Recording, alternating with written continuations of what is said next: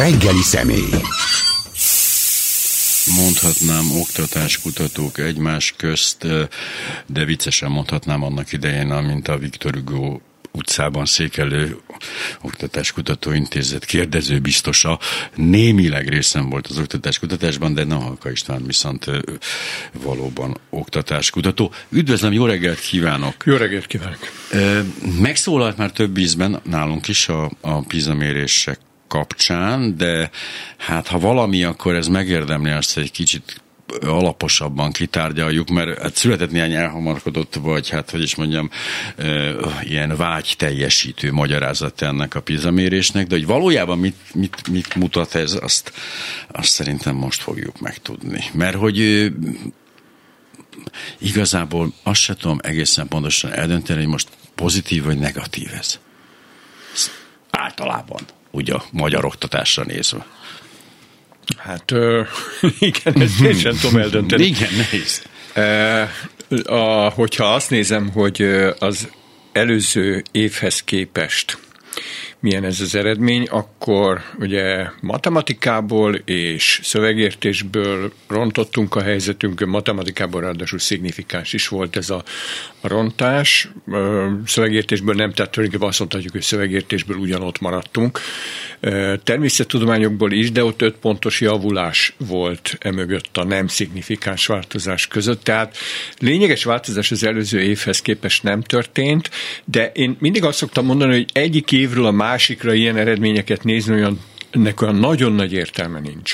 Hosszabb távú folyamatokat érdemes nézni, és hogyha azt nézzük, akkor, és ezt sokszor elmondtam már, 2012-ben, 15-ben következett be egy lényeges romlás a magyar eredményekben, PISA eredményekben, és azóta tulajdonképpen nem tudunk kijönni ebből a gödörből, most sem tudtunk kijönni.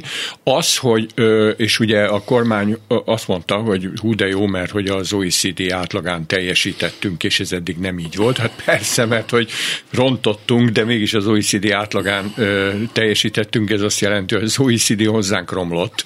Na most ezt én nem tüntetném fel a magyar oktatás hatalmas eredményeként. És hát nagyon bonyolult okrendszerek vannak az egészüket, hogy miért csökkent jelentősen az OECD eredménye, a miénk vajon miért csökkent, vajon ugyanazért csökkente, amiért az OECD átlaga csökkent, vagy sem, mik a különbségek, ezek borzasztóan fontos és érdekes kérdések. Igen, ez a, ha mi stagnálunk, és mások romlanak, akkor az úgy is tűnhet, mintha mi javulnánk, ugye, bizony, majd olyan, mint hogy a fákat viszik el az ablak előtt, vagy a, vagy a vasúti szerelvény halad, ugye majdnem ugyanúgy néz ki távolról. Kétségtelen, hogy hozzánk romlottak, ami viszont azt jelenti, hogy egy olyan szituáció állt elő, amiben mások rontottak, mi meg nem. Úgyhogy ez hát valamilyen szinten sikernek is elkönyvelhető. Matematikában ráadásul rontottunk is az előző évhez képest, hiszen 8 pontos volt a különbség, az, az OECD országok átlagában pedig 15 pontos, mind a kettő szignifikáns Igen. a saját eredményéhez képest. És még egyszer mondom, hogy igazából arra kell figyelni, hogy 2012-15 óta tulajdonképpen nincs lényeges változás a magyar eredményeket tekintve. Nem tudunk kijönni abból a gödörből, amibe akkor kerültünk. Hát mert nem is próbálunk. Tehát úgy értem, hogy amikor 2012-ben be, ez a betörés vagy a beszakadás megtörtént, akkor azt, azt mondta a magyar kormányzat, hogy minden rendben van, tehát folytatni kell, amit eddig csináltunk. Tehát nem, nem látok semmiféle ö, reflektálást erre, hogy akkor most megpróbáljuk másképp csinálni, vagy akkor próbáljunk ezen így változtatni? Igen, a magyar kormány végig azt vallotta, hogy amit ő akar, az úgy jó, ahogy van, majd ez meghozza az eredményeket, de látszik, hogy nem hozza az eredményeket. Hát a PISA végre... szerintem. Igen, de hát nem tudom, milyen eredményekről lehetne egyébként még beszélni. Hát, mert hát... A, a tűrtudatú népek megbecsülése. Vagy szóval annyi, tehát az a helyzet, hogy a, a, jól tűzzük ki a célokat, akkor, akkor mindig sikert fogunk elérni. A magyar kormány egy picit ezt érzem, hogy egy kicsit relativizálni próbálja a PISA mérést, hogy hát az egy valamit mér, de hát nekünk sokkal fontosabb a nem tudom micsoda. Tehát ez egy ilyen. Hál' Istennek ilyen egyéb célok még olyan rettentesen nem kerültek hmm. be az oktatásba. Egyelőre még mindenki nyammog látnunk valamit a, a PISA mérés eredményein. Inkább előkerül az, hogy más mérésekben jobban szereplünk. Ez egyébként igaz. Uh-huh. Tehát például a TIMS mérésben a magyar eredmények valamivel jobbak, ennek is vannak okai. De, de tulajdonképpen nem történik semmi abban a kérdésben, hogy hogyan lehetne megváltoztatni azt az alapvető tendenciát, hogy mondom 12-15 óta benne vagyunk ebben a gödörben, és nem tudunk kitörni belőle. Azt, hogy egy gödörbe vagyunk, az ö, mit jelent lefordítva egy ilyen él, élőszóra, tehát kikerül valaki a, a közoktatásból, és akkor az milyen képességekkel rendelkezik, milyenekkel nem? Ugye a PISA mérésről lehet tudni, hogy az bizonyos értelemben a jövőre való felkészültséget méri, hogyha ilyen nagy szavakat akarok uh-huh. mondani. Magyarán olyan készségeket, kompetenciákat próbál megmérni, amelyek majd a jövőben lesznek igazából hasznosak. Magyarán, ha mi ebben nem szereplünk túlságosan jól, akkor az azt jelenti, hogy az iskolából kikerülő gyerekek, fiatalok ezeket a képességeket, készségeket, kompetenciákat nem birtokolják a megfelelő szinten. Már az országos kompetenciamérés eredménye is mutattak jeleket, hogy e körül vannak gondok, miközben 2003 óta Magyarországon tulajdonképpen a kompetenciamérési eredmények nem változtak, nem, nem voltak lényeges változások a, ezen, ebben a mérésben. A 2022-es eredmények azt mutatták, hogy hogy ott lényegesen romlott, különösen a szövegértés a nyolcadik és a tizedik osztályban, amire nem volt példa egész egyszerűen az elmúlt két évtizedben. Tehát, hogy vannak továbbra is még inkább romló tendenciák, az látszik ebből az adatból. Most már igazán el kellene kezdeni gondolkozni azon, hogy valami más kellene csinálni, de én félek tőle, hogy továbbra is ugyanabban fog hinni a kormány, azt fogja mondani, hogy a mi politikánk természetesen nagyon jó, ezzel ki lehet lábalni a minden mindenféle, már tulajdonképpen már félúton is vagyunk, és akkor lehet mondani persze majd bizonyos dolgokat, amikről mindenki, vagy legalábbis nagyon sokan azt fogják hinni, hogy azok valódi ha, eredmények. Ha politikus lennék, akkor azt mondanám, hogy az kétségtelen, hogy arra a jövőre nem készít fel a magyar oktatási rendszer, amire a PISA mérés utal, de hát mi tudjuk, hogy az nem az a jövő lesz, hanem mi egy másik jövőre készülünk, azt pedig nem mérik. Igen, csak hogyha ezt sikerülne jól leírnunk, hogy mi ez a másik jövő, az azért nem ártana, legalábbis, hogyha az oktatáskutatók ebben látnának valami egyértelműt, valami következeteset, valami egyértelműen megfogalmazottat, akkor, akkor esetleg többet lehetne róla mondani, de hát egyelőre a plegykák szintjén van ez, a, ez az egész. Szoktunk persze ilyeneket uh-huh. mondani, hogy a kormány el akarja butítani a népet. Igen, mert, mert azt mégse lehet kimondani, hogy szeretnénk az írás tudatlanok számát, a, a funkcionális analfabéták számát tovább növelni. Hát ezt nem fogják kimondani, de nem baj, ha így alakul, gondolják. Így de ezt így nehéz uh-huh. a kutatás tárgyává tenni, az biztos. De hogy azzal sose álltunk jól. Tehát én arra emlékszem, hogy nem is tudom, mikor jöttem meg utoljára, azon, hogy, hogy, a, hogy az oktatási rendszerből kikerülő funkcionális analfabéták számát láttam, és valami elke- és ez, ez jóval még a Fidesz második eljövetel előtt volt, I- ijesztő eredmények voltak, tehát én egy újratermelése zajlik ennek a, ennek a rétegnek. Hát ez, ha még romlott is, az, az már gyakorlatilag elképzelhetetlen, de hát akkor is egy ilyen, mit a lakosság 25%-a hamarosan írás tudatlan lett. Ö, pontosabban ez úgy volt, hogy ö, legalábbis egy másik mérőszámot lehet mondani, mint a közgazdászok jobban meg tudnak fogni, hogy milyen arányban vannak olyan fiatalok, akik láthatóan a tanulásra való nem felkészültségük okán nem tudnak majd, nem tudják majd megállni a helyüket a, a munkaerőpiacon. Tehát egész egyszerűen nem fognak tudni alkalmazkodni azokhoz a körülményeket, amik, amiket a modern munkaerőpiac produkál, és ez volt akkoriban, mondjuk uh-huh. 20 évvel ezelőtt volt 25 százalék körülbelül, Igen, és az a félő, hogy ez a 40 százalék, amit az előbb említettem, ez azt jelzi, hogy ez már jóval nagyobb ma. A, ez viszont kontraproduktív, tehát én nem akarok ezzel az összeesküvés elméletekkel foglalkozni, a lakosság elbutítása mindegy, akkor majd többen szavaznak a Fideszre. Ez hogy nyilván hülyeség, tehát így, ez, így ebben a formában nem működik, de hogy az biztos, hogy, hogy nagyon nehéz neki menni a 21. századnak egy ilyen, ilyen arányú hát írásolvasásra problémákkal küzdő réteggel. Tehát ez, ez semmilyen kormány érdeke nem lehet. Attól függ, hogy milyen gazdaságban gondolkodik a jövőben uh-huh. a kormány. ha valóban, és ezt, ezt is nagyon sokan elmondják nagyon sok helyen, hogyha valóban itt Magyarországból egy összeszerelő üzemet akarunk csinálni, ahol a, a betanított munkásoknak pusztán annyit kell tudniuk, hogy mondjuk fel kell söpörniük a gyárudvart, meg, meg esetleg, hogyha gépekhez kerülnek, akkor tudják, hogy hol van az a sárga gomb, amit egyszer naponta meg kell nyomni. Magyarán, hogyha ha minimális vagy nulla hozzáadott érték van a magyar munkaerő munkájában, akkor tulajdonképpen egy szűk elit kinevelésén kívül nincs szükség borzasztóan nagy felkészültségű, kritikus gondolkodású, önállóan gondolkodni tudó emberekre, akkor el tudom azt képzelni, hogy valaki úgy gondolkodik egy ilyen hatalom részéről, hogy hát nem kell olyan rettetesen sok pénzt tenni ebbe az oktatásba, olyan nagyon sokat nem kell vele vacakolni. Ügyeljünk arra, hogy a megfelelő elit, amelyik azért valamit fog csinálni, meg birtokolni fogja ezeket a dolgokat, az, az azért megszülessen. És hát azért ez, ezzel törődnek.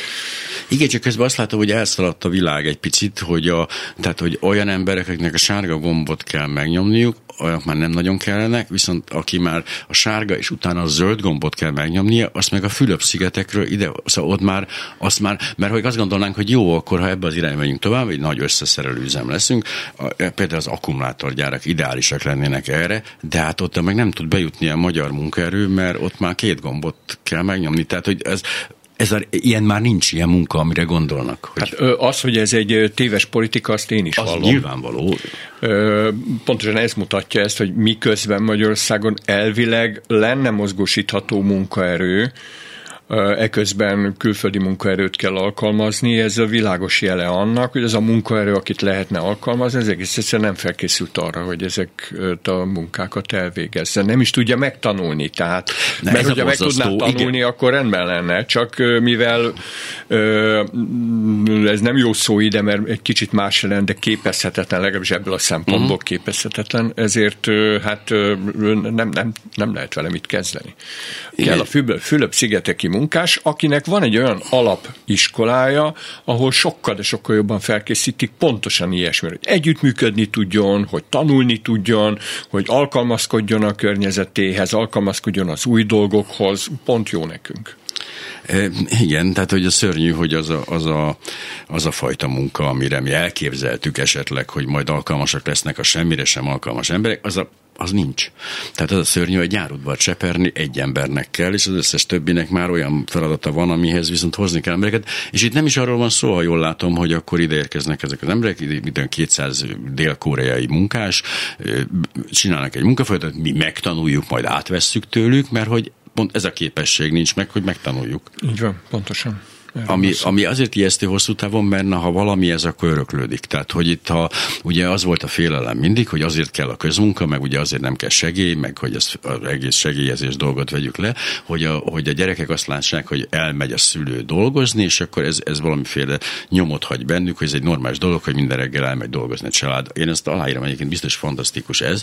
Na de hát most pont ez a, hogy ez a példa fog öröklődni, nem megy el, vagy elmegy a család, de azért megy el, hogy nézze, hogy mások dolgoznak dolgoznak.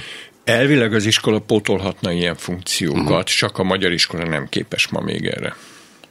Hogy néz ki most a magyar oktatási rendszer? Tehát ugye emlékszünk a nagy felzúdulásokra, emlékszünk Hoffman Rózsa ugye egészen döbbenetes és nagyszerű alakítására, a nemzeti alaptantervre, és akkor abban, abban a blödségek egy darabig így szemlézgettük, szemlézgettük, de aztán ugye egy napirendre tértünk, de hogy így most így a, mondjuk nagyjából gondolom ilyen közép, hát nem is inkább a nyolc, nyolc általánosig érdemes áttekinteni, ott, ott hogy állunk ez ebben a, rész, ebben a részben? Mármint, hogy a tantervek kérdésében? Tanterve kérdésében, meg a, meg, hát igen, hogy a központ, hát mi lesz az a, azzal az emberrel, aki elvégzi a nyolc általános tisztességesen, nyolc év alatt mondjuk, tehát nem, nem bukdácsol, és akkor ő, ő mire, mire kész, amikor kijön ebből a mostani rendszerből?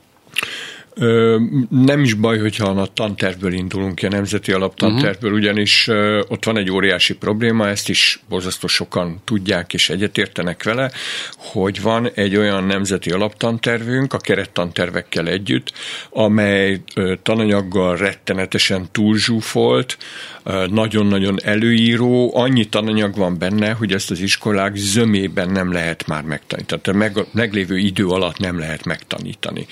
Na most ez, ez egyfajta tantervi, tervezési filozófia, az, az is túllő a célon, a saját célján is túllő.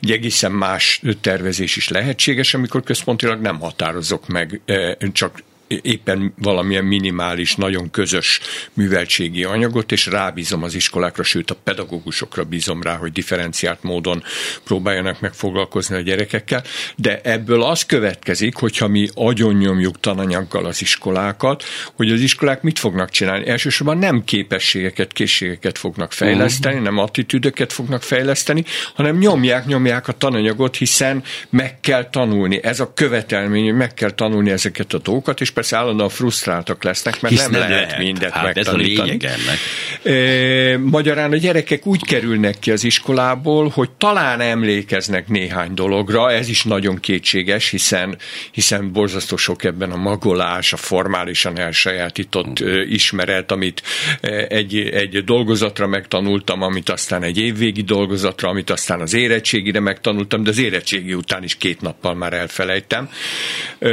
Tehát, tehát egész egyszerűen egy, egy fölösleges vagy elvesző egy, egy nem hasznosuló ismeretrendszerről van szó. Minden nemzetközi mérés azt mutatja, hogy amikor a magyar gyerekeket abból a szempontból kezdik el vizsgálni, hogy hogyan tudják alkalmazni a megszerzett ismereteiket, akkor meglehetősen gyengén szerepelnek. Pedig Tehát, hát az egyetlen szempont ennek kell, hogy legyen, hisz ugye az, hogy tudja, hogy mikor volt a Mohácsi vész, az, az tök jó, de nem valószínű, hogy ezzel a problémával fog találkozni élete során. Az, hogy egyébként mit kell megtanítani, és hogy most van fölösleges vagy nem fölösleges, az egy bonyolult vita lehet. Részben bonyolult vita, de a mennyiség az viszont az tudatos. Tehát azért Igen. vannak túltolva a tanárok egyértelműen, hogy, hogy ne legyen idejük mással foglalkozni, mert hogy mindig lemaradásba kell lenniük, hisz ugye az egész tananyag leadhatatlan, ugye leadni az anyagot, ez mindig is az volt, leadják az anyagot és mennek tovább, hogy, hogy tehát hogy ugye a teljes bizalomvesztés ugye mindkét oldalról. Tehát a kormány nem bízik a pedagógusokban egyáltalán, nem engedi őket, hogy ötleteljenek, hát a pedagógusok meg nyilván nem bíznak a kormányban és így nehezen is lesz olyan pedagógus társadalmunk, amely képes lesz arra differenciált személyre szóló oktatásra, amire a modern oktatásban szükség lenne, amiben a modern iskolában szükség lenne. Ez persze ezek ilyen nagyon abszolút kijelentések, mert azért a világ ennél jóval színesebb. Mindig van a pedagógusoknak egy olyan köre, szerencsére nem is túl szűk köre, akik azért ö, tudásban, felkészültségben, tapasztalatokban lényegesen túlmutatnak az átlagon, és sokkal inkább birtokolnak egy modern pedagógiai felkészültséget és pedagógiai kultúrát, és ők tudják ezt jól csinálni. Csak ma kisebbségben vannak egész egyszerűen. Hát meg már már lassan ilyen föld alatti szektaként kell tevékenykedniük titkos készfogással, hogyha, tehát hogyha valaki olyan pedagógiai célokat tűz maga elé, melyek egy, mely valóban felkészítenek bármilyen szinten a jövőre, azt hát nem is tudom, illegalitásba tudja, vagy óra után tudja megoldani, vagy hát keresni kell az alkalmat, az egész teljesen abszurd. A bátrabbak azok megteszik, hogy, hogy a tanórákon is végzik ezt, mert hogy szembe mernek szállni azzal, amit a Nemzeti Alaptanterv és a kerettantervek diktálnak, és ezért ma még olyan nagyon nem bántja őket senki, nem fontos, gondolom, azért nem akaszkodott még erre rá különösebben az oktatási irányítás, hogy ezt ellenőrizze és, és valahogyan szankcionálja, de, de kevesen vannak, tehát nem, nem mondhatjuk azt, hogy ez egy többség lenne az oktatási hát rendszerben. csak a belső meggyőződésükből csinálják, tehát semmi sem motiválja őket erre, azon kívül, hogy tisztában vannak azzal, hogy mi a feladat egy pedagógusnak, nem díjazzák, sőt, gyanakodva szemlélik. Meddig tartható fenn ez a dolog, hogy, hogy elkötelezett pedagógusok így hobbiból, túl ez, mert ez plusz munka, ez, ez, ez sokkal több, mint amit megkövetel a rendszer. Szerintem ők mindig lesznek, Igen. és a, leg, a számukra a legfontosabb motiváció az az, hogy ezt csinálhatják, és ők ezt élvezik, hogy ezt csinálhatják. Mármint nem az, hogy ellenkeznek, ne, hanem nyilván. hogy a munkát tehát úgy Igen. csinálják a munkájukat, ahogyan azt maguktól is megkövetelik, meg ahogyan azt a modern pedagógia megköveteli tőlük. Ez a legfontosabb motivációjuk egyébként. Persze világos, hogy nincs semmiféle anyagi motiváció, és minden más motivációs tényező is nagyon rosszul áll ebből a szempontból. Ezt még nagyon sokáig lehet csinálni. Hát igen, ahogy látjuk, erre az egészségügy is ilyenek emberekre van rá, ráterhelve, azokra a házi orvosokra, akik 83 évesen járják a falvakat és rendelnek, stb. De hát ez mm, a terhelhetőség idővel azért, hogy ezt mondjam, elfogy. És a pedagógusoknál pedig E, igazából az oktatás is átalakult, mármint a pedagógus képzés is, vagy ott azért még van remény, mert egy jó darabig úgy volt, hogy az egészen modern pedagógus képzésünk volt, hogy viszonylag ott még felmerültek ezek az összes ilyen e, módszer, aztán utána ott is próbálták ezt így visszavenni egy kicsit, azért na. A pedagógus képzés az elmúlt mondjuk három évtizedben körülbelül fokozatosan korszerűsödött sok tekintetben, talán nem tudott átlendülni a másik oldalra, hogy így fogalmazzak, tehát hogy, hogy valahogy valahogy nem tudta elérni azt a színvonalat, ami olyan Isten igazából kellene ahhoz, hogy kiváló pedagógusok nagy számban, többségben működjenek az iskolákban, ugyanis ehhez még a, a, a, ezeknél a fejlesztési folyamatoknál is sokkal komolyabbak kellenének a pedagógus képzésben, amihez pedig pénz kellene. Na most a pedagógus képzés ö, fejlesztésére pénz az elmúlt időszakban egész egyszerűen nem volt. Tehát mint ahogy egy csomó más területen az oktatásban legalábbis alulról jövő kezdeményezésekre vonatkozó a pedagógiai kultúra megújításával összefüggésben valójában nem voltak komoly pénzösszegek, ilyen központi fejlesztési feladatokra természetesen, a szokásos módon, egy nagyon centralizált formában működtek, de így a, a pedagógus képzése sem volt elég, a fejlesztésére nem volt elég pénz. Ettől függetlenül a kollégák kollégák sok mindent tettek ezen a területen, tehát nem tudom összehasonlítani a mai pedagógus képzést mondjuk egy 30 évvel ezelőttivel. Uh-huh. Sokkal korszerűbbé vált, sokkal differenciáltabb ez ma már, sokkal erősebb benne a gyakorlat szerepe, és egy csomó pozitívumot lehet mondani, de még mindig sokat kellene fejleszteni rajta. De ezt már nem lehet csak úgy a, a kollégák szakma szeretetéből. Szóval ez most már valóban komoly kutatások, fejlesztések kellene fejlesztenének, amihez pedig pénz kell. Hát sokat lehet fejleszteni, de én most még annak is tudok körülni, hogy nem kezdték el visszafejleszteni ezt a dolgot, tehát legalább tehát a pedagógus képzésben még nem az a, az a, a nemzeti alaptanterv gyakorlat van ezzel a, ezzel a magolással. Tehát ott még azért a remény felcsillan, hogy be, bekerülhetnek olyan pedagógusok, akik, akik boldogan és, és újra és újra esetleg hát nyilván nem pótolva, mert hogy az, az lehetetlen, tehát ez, ez az előregedés, ez, ez, ez megállíthatatlan ebben is, csak hogy hogy legalább néhányan azért beszállnak ebbe a dologba. Van egy ö, nagy különbség az amerikai ö, oktatásfejlesztés és a magyar oktatásfejlesztés között. Amerikában az a az elsődleges folyamat, hogy a felsőoktatási intézményekben próbálnak ki először bizonyos új pedagógiai dolgokat, és akkor az úgy csorog le a közoktatásba. Uh-huh. Magyarországon ez fordítva van. Volt legalábbis.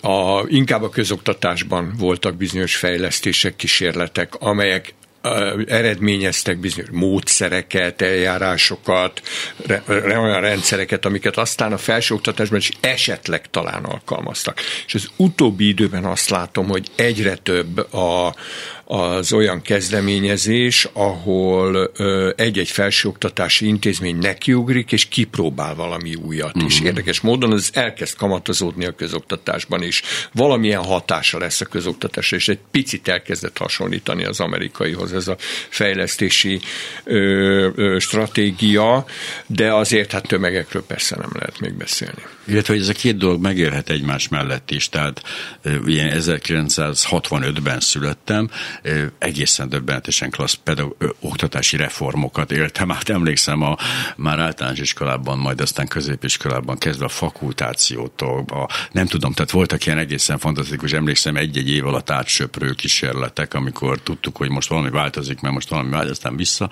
de hogy, de hogy a kettő dolog az, az megél egymás mellett, tehát a lentről is elindult, fentről is, ez nem, nem zárja ki egymást, bár mondjuk az amerikai megoldás az ebből a szempontból elég speciális, a, a, a, és most már talán elég egy kicsit a film példából, hisz láttuk a PISA mérést, de hogy, de hogy az Európa, európai oktatás illetve a pedagógus képzés, az hol, hol, hol, hol áll most így a, a csúcs, az éppen hol van? Ö, a finneknél egy csomó olyan dolog van, ami mintát jelentett nagyon sok más ország számára is. Ugye közvetlenül az észtek számára, de ma már a litvánok, a lettek számára is példát jelent. A, mondok egy példát erre, hogy a finnek gondolták ki először azt, hogy a pedagógusokat úgy kellene képezni, hogy bizonyos kutatási feladatokra is készen legyenek. Nem azért, hogy ők kutatók legyenek, hiszen ők pedagógusok lesznek, nem kutatók lesznek, de a munkájukat tudják úgy végezni, mint pedagógusok, hogy egy kutatói attitűd is van bennük, tehát, hogy ők meg akarják keresni az okokat, bizonyos a saját osztályukban, a saját gyerekeik körében, meg akarják keresni a jelenségek okait, utána akarnak nézni, ki akarják próbálni, hogy mi milyen hatással van, és így tovább, és ehhez kellenek bizonyos kutatói felkészültség elemek, és ezt nagyon keményen bevezették a, a, a pedagógus képzésbe. Ez például egy ilyen finn találmány, de nem csak Finnországban, máshol is érvényes az, hogy a sajátos nevelési igényű gyerekek nevelésének nevelésére való felkészítés sokkal erősebb, sokkal kiterjedtebb a pedagógus képzés során, mint akár nálunk is. Nálunk sajnos nagyon gyenge ez a, ez a funkció, pedig nagyon szükség lenne rá, hiszen találkoznak, naponta találkoznak a pedagógusok a sajátos nevelési igényű gyerekekkel a normál oktatás keretei között. És egyre többel találkoznak. Ö, és nő is egyébként a sajátos nevelési igényű gyerekeknek a száma, hogy e, ez most egy valódi növekedés, vagy, vagy a, a bizottságok igen. működnek másképpen, ezt nehéz megállapítani, és erre nincsenek igazából komoly vizsgálatok, de mindesetre az a tény, hogy, hogy valóban némi növekedés tapasztalható.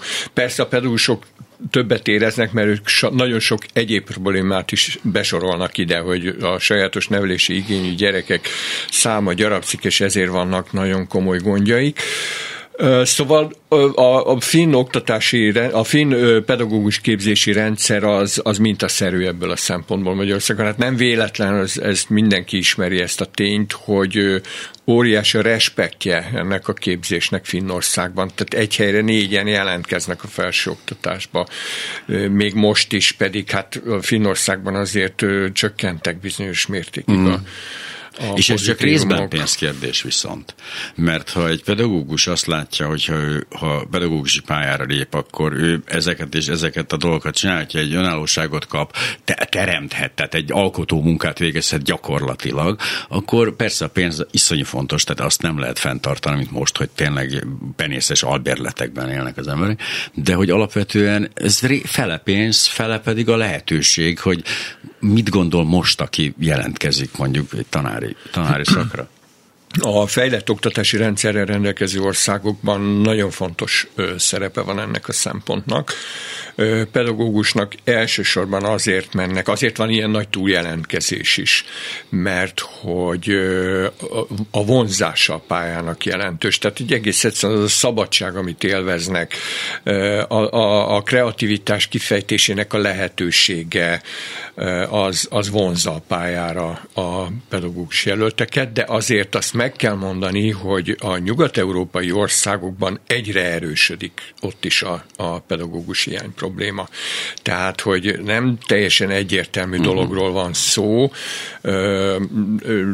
Mi, mi nagyon erős adatokkal rendelkezünk ezzel kapcsolatban, tehát nagyon, nagyon ijesztő adatokkal rendelkezünk, de, de más országok is vannak Európában bőven, amelyes nyugat-európai országok, amelyekben egyre rosszabbak az adatok ebből a szempontból. De azt a radikális különbséget azért én is érzékelem, hogy az egyik oldalon azt mondják a pedagógusnak, hogy hát azért képeztünk, meg azért vagy te ott, hogy akkor meg fogod oldani ezt a feladatot ott a helyzetben, illetve az, hogy majd mi adunk egy képzést neked, és aztán megmondjuk innen a központból, hogy neked mit kell csinálni. Hát ez nem nem teszi annyira vonzóvá a pályát. Tehát, hogy is a franc akar egy ilyen izélen, egy ilyen parancs teljesítő valaki ott. Nem bizony. És van itt egy érdekes dolog, ami talán furcsa lehet sokak számára, és lehet, hogy most sokak nem fognak egyet érteni velem, de van a finn rendszerben és a hozzá hasonló rendszerekben egy sajátosság, ami nagyon különbözővé teszi a miénktől, hogy a mérések kisebb szerepet játszanak benne, mint, mint nálunk. Például nincs kompetenciamérés, tehát ilyen nagy országos mérések nincsenek ezekben a rendszerekben, vagy csak később, tehát magasabb éven egyetlen ilyen tesztelés zajlik a, a fiatalok körében.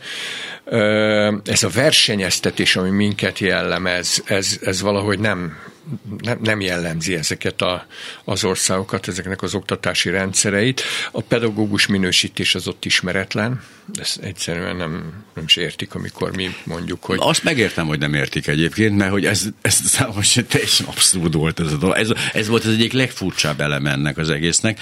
Igazából nem is tudom, ezt úgy képzeltem, hogy összeülnek, és akkor így egymásról, nem, nem tudom ezt, ezt hogy képzelték el, hogy működhet normálisan.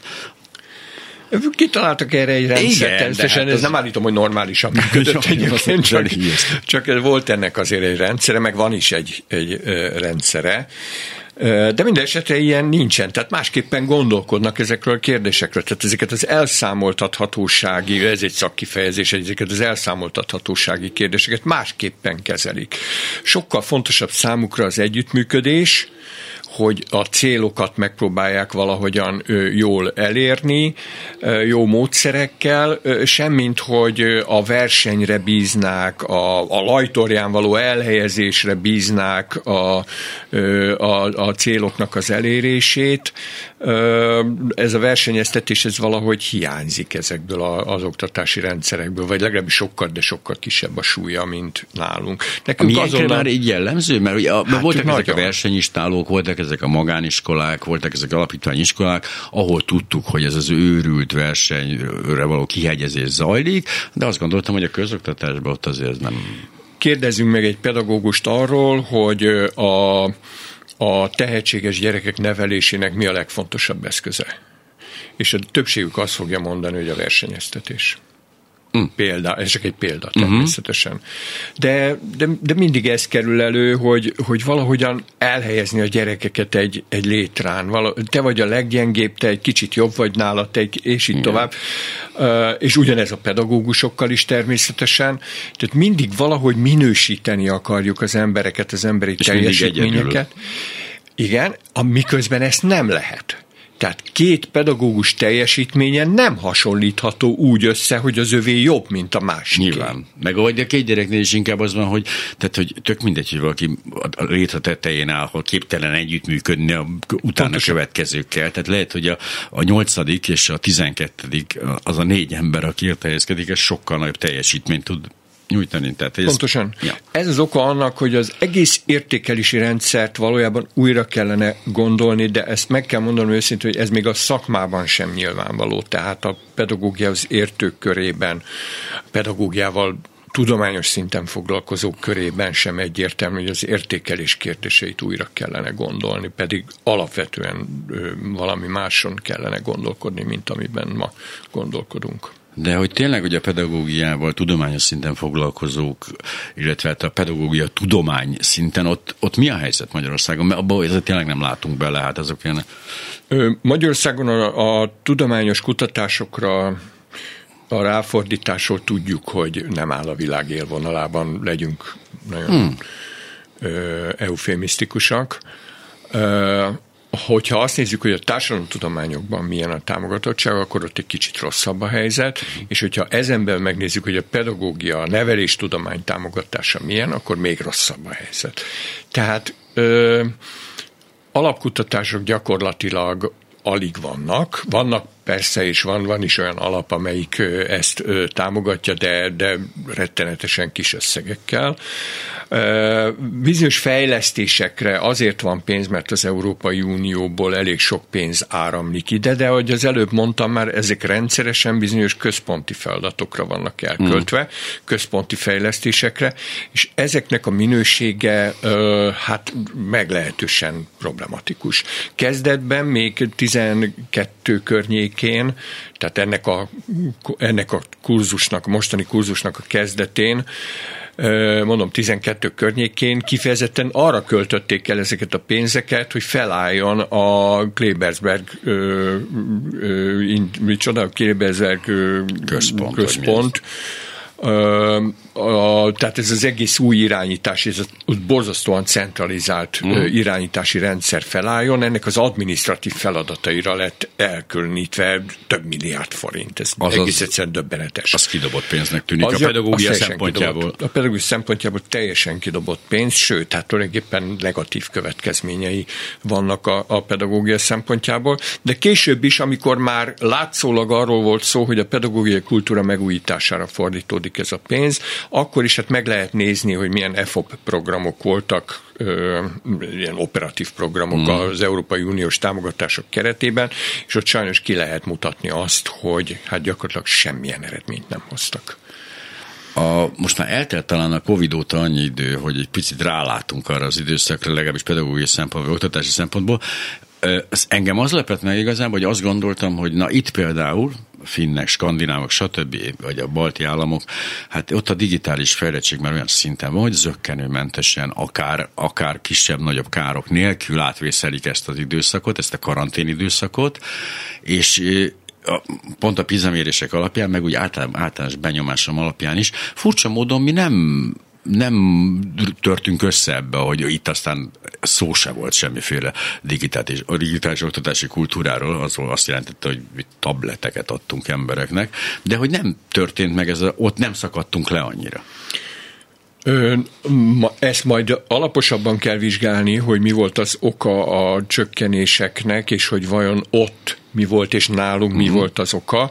Én itt ö, szeretnék egy lehetséges magyarázatot mondani ezzel kapcsolatban, és ez szemben áll azzal, amit én is eddig gondoltam erről. Én is eddig azt gondoltam, hogy Magyarországon nagyon rosszul kezeltük a, a COVID hatását az oktatásban, és még azt is kimondtam, hogy, hogy az a fajta pedagógia, amit egyébként az iskolában műveltek a pedagógusok, tehát ez a prelegáló, ez az átadó jellegű, uh-huh. pedagóg, ismeret átadó jellegű pedagógia, ez majd nem működik egyáltalán a, a COVID alatt, mert hogy számítógéppel ezt az interneten ezt nem lehet megtenni.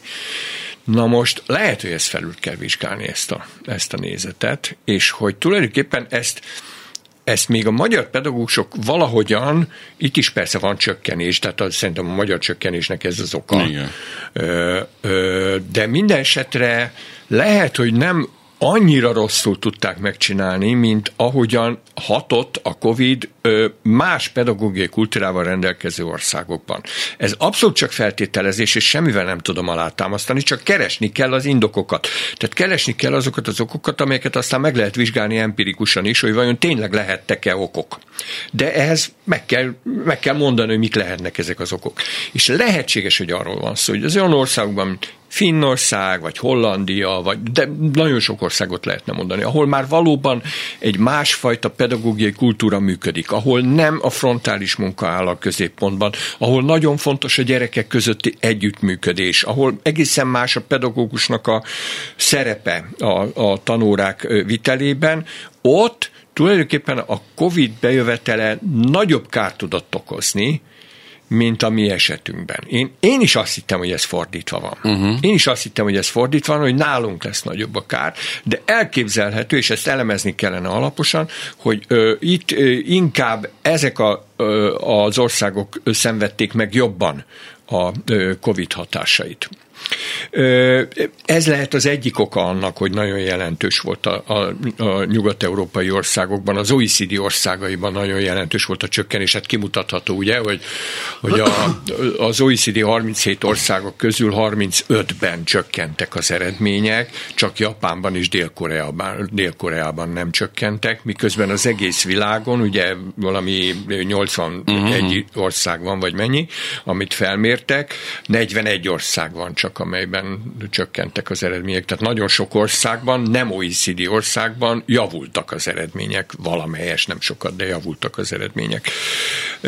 Ezt is meg kell tudni magyarázni, és hát bizony itt elő kell vennünk olyan okokat, amelyek amelyek vagy nem triviálisak, vagy nem gondoltuk volna, hogy okok lesznek. Így, hát ugye, ahogy mondtam már, a Covid-nál esetleg erősebben hathattak Nyugat-Európában az, az okok, illetve nagyon fontos, hogy a bevándorlók kérdésében mi a helyzet. A bevándorlóknál az a helyzet, hogy Magyarországon ez nem akkora probléma, mert Magyarországon 2,2%-a volt a felmért gyerekeknek bevándorló. Egyébként érdekes, hogy a a, második generációs bevándorlók Magyarországon jobban teljesítettek, mint az ő sonos magyar, gyerekek. Az első generációsok is csak egy kicsivel rosszabbul teljesítettek rosszabbul. Egyébként volt néhány ország, amelyben a bevándorlók teljesítettek jobban. Ilyen volt például Szingapur, méghozzá meglehetősen jelentős szám, pontszámmal jobban De tudjuk is, hogy hogy lehet oda bevándorolni, az nem, az nem úgy megy ám, hogy kopogok a határon, jó napot Szingapurba jöttem. Kanada ilyen volt, Ausztrália ilyen volt. Uh-huh. Van még néhány példa, de mondjuk ezek talán a kiemelkedőbbek. Viszont a nyugat-európai európai országokban a bevándorlók adatai lényegesen rosszabbak voltak, még a második generációs bevándorlók adatai is lényegesen rosszabbak voltak, mint a, a nem bevándorló gyerekeké. Ez Németországban például 20 pontos különbséget okozott. Tehát, hogyha csak az eredeti német gyerekeket uh-huh. mérik fel, akkor ők 20 ponttal jobb eredményt értek volna el, mint a bevándorlókkal együtt. És akkor még további példákat lehet mondani. Dánia, Svájcot például Svájcban még nagyobb arányban vannak jelen a bevándorlók. És ugye pont ez a fontos, hogy ezekben az országban nagy arányban vannak jelen a bevándorló gyerekek. Svájcban valami 30% körül vannak, és Németországban pedig 25% körül vannak vannak, sok. és még továbbiakat le, lehet mondani. Egyébként Finnországban is vannak, uh-huh. de nem ilyen nagyon nagy arányban, 8% ha jól emlékszem az adatra. De azért az is jelent ö, valamilyen ö, csökkenést. Mondjuk az Te- itt vért különbségek között elég erősen visszavezethetők arra, hogy melyik ország tud szűrni, meg, megválogatni a bevándorlóit, meg feltételeket szabni, vagy akarja ezt, vagy hol volt az például a welcome, hogy akkor jön most mindenki, és akkor nyilván oda egy olyan átlag jön, ami, amit talán nem, nem is képes. Erre. Ugyanakkor ez persze rámutat a pedagógia egy problémájára, hogy nem tudjuk azonnal elég jól kezelni a bevándorlóknak a, a helyzetét. Tehát ez az iskola problémája. Hát meg a nyelv, ezt, azért a nyelv itt nagyon fontos. Igen, csak az iskolának felkészültnek kellene elvileg lenni arra, hogy ezeket a problémákat ennél legalábbis mm. jobban kezelje. Hát a Németországban a nem bevándorlók és az első generációs bevándorlók közötti pontkülönbség, matematika átlagpontszám különbség az 100 pont volt. Az rettenetesen az, nagy, az egy szórásnyi különbség különbség, az nagyon nagy. Tehát ö, ö, tulajdonképpen a pedagógiánk még mindig nincs eléggé felkészülve arra, hogy ezeket az esélyegyenlőtlenségi kérdéseket jól ö, hát kezelje. Hát, igen, csak a nagy tömegbe érkező bevándorlók, ö, és nem azonos nyelvterületről, tehát mondjuk 8-10 nyelvű bevándorló érkezik, igazából nem tud, fel, nem felké, lehet felkészült egy, pedagóg, egy pedagógiai rendszer erre? Hát a németeknek azért volt erre több évtizedük, a török vendégmunkás migránsok De jó, miatt. de akkor jöttek a törökök, akkor törökül kellett. Aztán jöttek a szerbek, vagy a, a jugoszlávok, akkor azt kellett, de itt most hirtelen túl sok Jó, jó, jött. nyilván lehet ilyen magyarázatokat adni, de minden esetre a pedagógiának kell ezzel törődnie, tehát jobban fel kell készülnie ezekre a, a helyzetekre. És hát tovább kell keresni a, a, az okokat. Magyarországon ugye a bevándorlók nem merül fel, másképpen merül fel a COVID hatása is. Uh-huh. Magyarországon nem merülnek fel olyan lehetőségek, mint amik például Finnországban felmerülnek, hogy egyáltalán nem lehetünk benne biztosak, hogy a finneknek még olyan rettenetesen fontos ez a PISA elsőség. Uh-huh. A finnek egyébként nem kell lesajnálni a finneket, a finnek mind a három területen jobban teljesítettek, mint az OECD átlag, tehát szignifikánsan jobbak még mindig, de hát azért mégiscsak igaz, hogy matematikából 2006-hoz képest 64 pontot zuhantak. Ez megint csak rengeteg. Az, az rengeteg. Ez Na olyan de... lehet, mint, a, mint az mint az IQ mérés, hogy idővel kezdünk rájönni, hogy hát ez nagyon fontos dolog, az IQ, de talán nem árul el rólunk mindent. Egy ilyen lett a PISA mérés és a finneknek? Én erre vetek, erre gondolok, uh-huh. hogy ez egy fontos dolog lehet, de, de mindezeket kutatni kellene, mert ezek egyre feltételezések pusztán. De lehet, hogy azt mondják a finnek, hogy sokkal fontosabb számunkra az együttműködés, a kommunikáció, és akkor most itt lehet sorolni egy csomó olyan dolgot, amit a PISA nem mér. A PISA méri a probléma megoldást, a, a, a különböző képességek alkalmazásának a, a szintjét, tehát ilyeneket mér. De a PISA, és, is, a PISA mérés is változik azért valamelyest, igazodik a valósághoz, tehát vagy, vagy oké, standardet. Hát az, az azért standard. Aha. Tehát annak ugyanazt kell mérnie most, mint amit 2000-ben mért. Na, Halka István oktatáskutatóval beszélgetünk, ha eddig nem lett volna önök számára egyértelmű és világos, ám de közben meg hát az időnk meg letelt.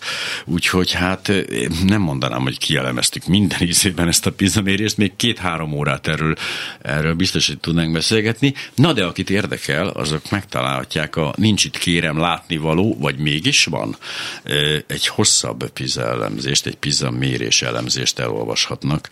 Na, Halka, Istvántól, hogyha mondom el akarnak mélyedni ebbe a történetbe, én végigolvastam, és tényleg izgalmas, még annál is izgalmasabb, mint a mi beszélgetésünk volt, de hát abban azért megegyezhetünk, hogy hát az, az az egyetlen narratíva, ami szerint majdnem utolértük a finneket, az hát csak nagyon erős megszorításokkal igaz, mert hogy ide zuhantak közénk. Én nagyon-nagyon szépen köszönöm, hogy itt a karácsonyi szezonban is időt szakított ránk. Nagyon szívesen. És nagyon boldog további, hát már hátra levő pár pár napot az évből, aztán meg egy nagyon boldog új évet kívánok. Köszönöm, viszont kívánom. Minden jót.